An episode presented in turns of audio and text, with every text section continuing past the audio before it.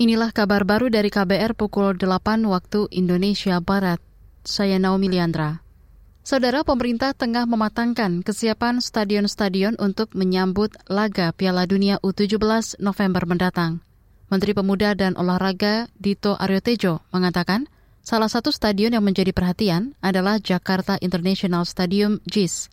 Kata dia, sejumlah hal masih perlu diperbaiki. Jadi akses parkir di mana buat pemain di bus di, di bus apa parkir pemain itu ada kendala sedikit untuk bus tidak bisa masuk ya kan. Terus terkait dengan akses yang rem barat dan timur dan itu yang Pak Gubernur sedang uh, komit untuk uh, aksesnya itu diperbanyak dan juga kalau terkait parkir untuk tamu dan kendaraan memang konsep dari JIS itu kan mau mengedepankan transportasi umum.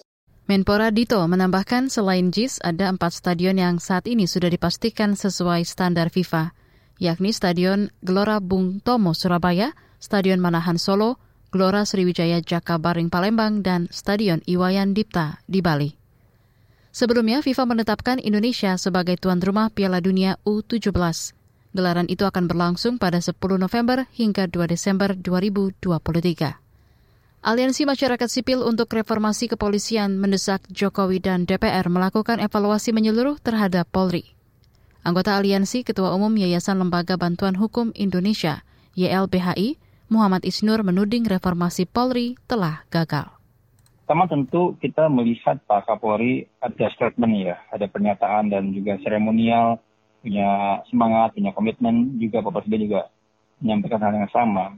Hmm. Tetapi kalau hal itu sekedar seremonial saja, tidak ditindaklanjuti menjadi sebuah langkah-langkah sistematis yang terukur ya untuk memperbaiki, itu menjadi omong kosong belakang. Karena apa? Catatannya sudah sedemikian rupa, uh, rusaknya itu sistemik gitu. Jadi nggak bisa hanya sekedar omong-omong rencana, tapi nggak ada langkah-langkah sistematis yang Ketua Umum YLBHI Muhammad Isnur menyebut ada lima masalah fundamental di tubuh Polri.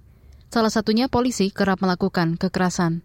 Isnur mendorong Kapolri membentuk mekanisme pengawasan internal yang efektif dengan melibatkan masyarakat. Kita ke berita luar negeri. Organisasi Kerjasama Islam OKI menggelar pertemuan darurat membahas insiden pembakaran Al-Quran oleh politikus Swedia. Seruan itu disampaikan Kerajaan Arab Saudi sebagai ketua sesi terkini dari KTT Islam dan ketua komite eksekutif OKI. Pertemuan dilakukan untuk menangani dampak dari insiden terkini terkait pembakaran kitab suci Al-Quran yang terjadi di Swedia bersamaan dengan perayaan Hari Raya Idul Adha.